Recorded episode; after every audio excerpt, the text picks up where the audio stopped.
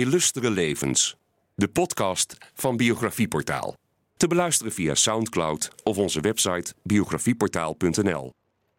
In de eerste afleveringen staan we stil bij het leven van Juliana, Louise, Emma, Marie, Wilhelmina, prinses der Nederlanden, prinses van Oranje-Nassau, hertogin van Mecklenburg, prinses van Lieper-Biesterveld en onze vorstin van 1948 tot 1980. We doen dat naar aanleiding van de publicatie van haar jongste biografie, Juliana, vorstin in een mannenwereld, geschreven door Jolande Withuis. Maar we staan ook stil bij eerder verschenen werken, zoals die van Kees Vasseur, Han van Bree en Anniette van der Zeil. Iedere podcast behandelt een afgeronde episode uit het leven van Juliana. De afleveringen zijn afzonderlijk te beluisteren.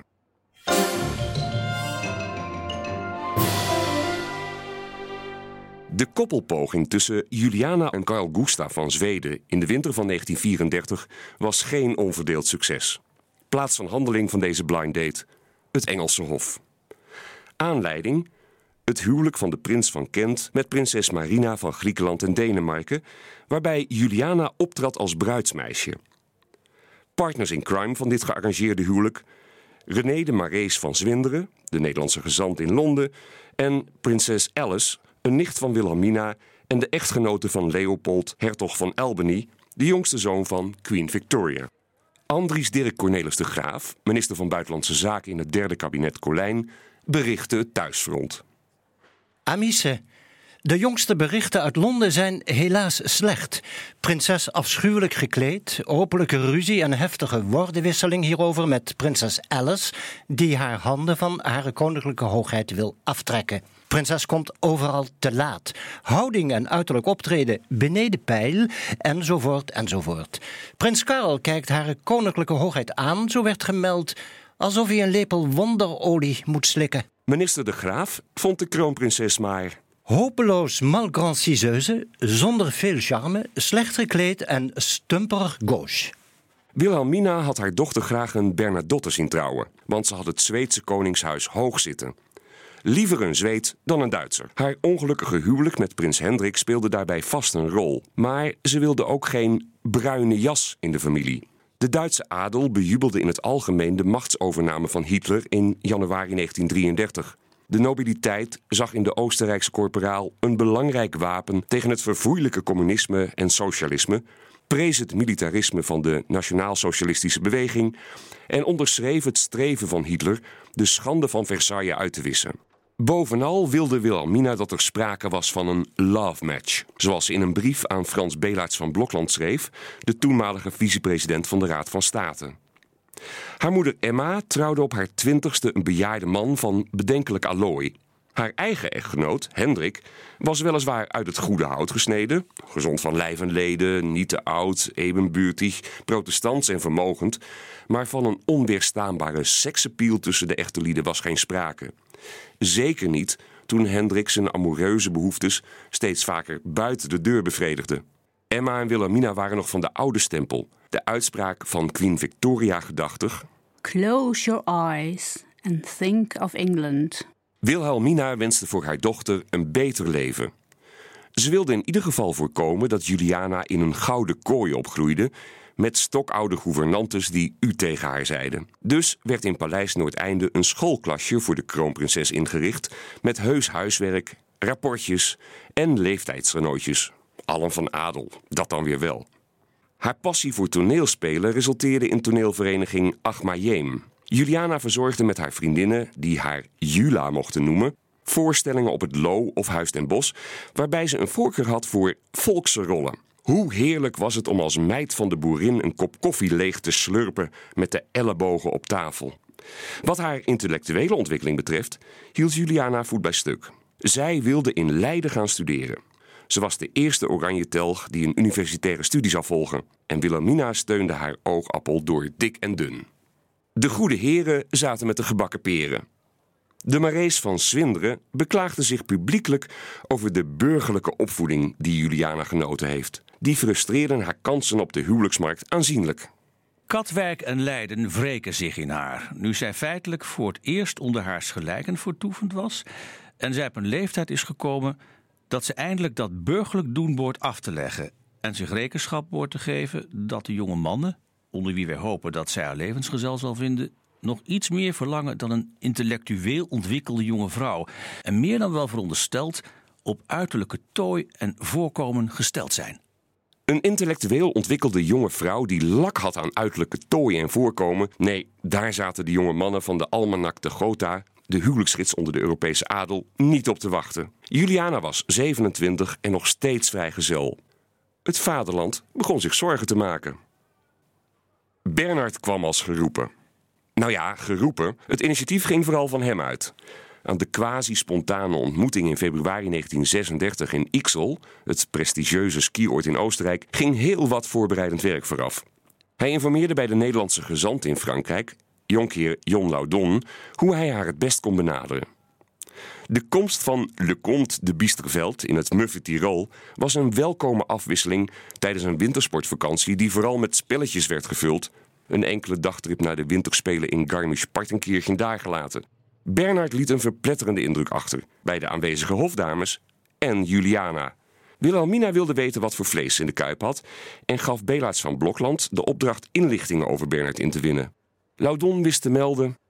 Hij is wat jong, 24 of 25, maar intelligent. Ontwikkeld, goed linguist en Nissi Fallor ook goed onderlegd. Hij is van de winter nogal uitgegaan in Franse kringen. Bernard had goede manieren en sprak zijn talen, Engels en Frans. Laudon vond hem wel wat azende. Wat heet. Kort na de ontmoeting in Oostenrijk schreef hij een brief van zes kantjes aan zijn chère prinses Juliana, waarin hij het betreurde dat de vakantie zo snel voorbijgevlogen was. Hij stelde voor om in het paasweekend naar Nederland te komen. Wilhelmina viel als een blok voor haar toekomstige schoonzoon. De volgende brief werd afgesloten. Met den allerbesten Grüßen und einen Handkuss an die Frau Mutter. Het handschrift stelde Juliana in staat een amateurgrafologe in te schakelen die niets dan honnêteté, oprechtheid, in de epistels van de jongeling ontwaarde. Wat bezielde Bernard? Hield hij werkelijk van zijn prinses op afstand? Of zou een huwelijk met Juliana, zoals Vasseur minzaam opmerkt, hem en zijn familie voor goed vrij waren van financiële zorgen?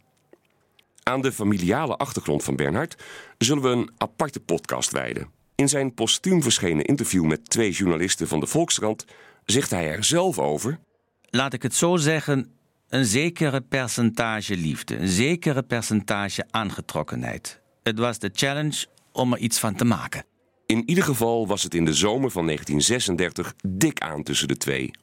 In zijn brief van 15 juli 1936 schrijft hij: Wir werden uns ja bald wiedersehen, Gott sei Dank. Was auch immer passieren wird, den Abend vorgestern werde ich mein Leben lang nicht vergessen können und will es auch nicht. So schön war das. Sehr, sehr viel Liebes. Dein B. Op 15 augustus 1936 stemde Juliana in met de officiële verloving en getrouwd zou er worden op 7 januari 1937 in de Sint-Jacobskerk in Den Haag. Wilhelmina had haar bezwaren tegen de bruine jassen wellicht even aan de kant gezet. De politieke gezindheid van de prins was sowieso een non-issue in het onderzoek van Belaerts en consorten. Tijdens de galaavond, voorafgaand aan het huwelijk, werd de Hitlergroet gebracht en het Duitse volkslied gespeeld, compleet met het Horst Wessel-lied. Over de sympathieën van Bernhard voor het nieuwe regime komen we nog te spreken. De huwelijksreis nam drie maanden in beslag. Via de Karpaten in Polen naar Budapest, Oostenrijk en Italië, om uiteindelijk uit te monden in het moderne Monte Carlo. Het was een riet de passage, een afscheid van een vroeger leven dat vooral in het teken had gestaan van haar moeder. Die eerste drie huwelijksjaren moeten voor haar een gelukkige tijd hebben gevormd. Een geluk dat nog werd verhoogd door de voorspoedige geboorte van twee gezonde dochters, schrijft Kees Vasseur. Jolande Withuis is minder uitgesproken over dat huiselijk geluk. Zij citeert een ooggetuige van het pasgetrouwde paar in het casino van Monte Carlo. De prins kon slecht tegen zijn verlies. Aan de Grand Table kwam Juliana naar hem toe, maar hij is alleronhebbelijkst tegen haar. À la barbe du public. Ze is vreselijk lief tegen hem en komt iedere keer weer. Later aan een roulette-tafel en staat dan zijn rok af te borstelen. Maar hij neemt geen notitie van haar en hij praat alleen met andere vrouwen. Hij mag dan een prins zijn, maar een heer is die niet. Toen ze op 6 april terugkeerde in Nederland en het paleis Soesdijk betrokken, was de gedaanteverwisseling van Juliana chockerend.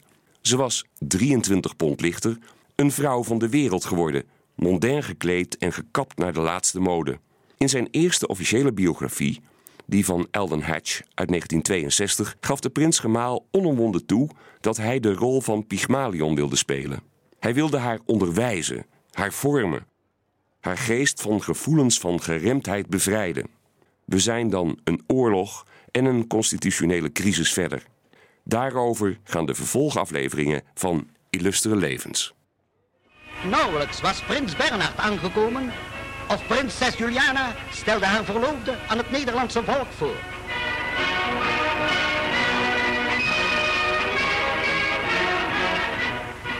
Ook te Amsterdam was bij de eerste begroeting van het jonge paar enorm enthousiasme.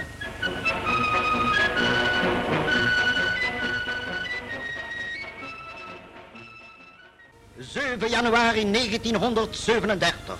Nederland in feest viert het huwelijk van prinses Juliana en prins Bernhard.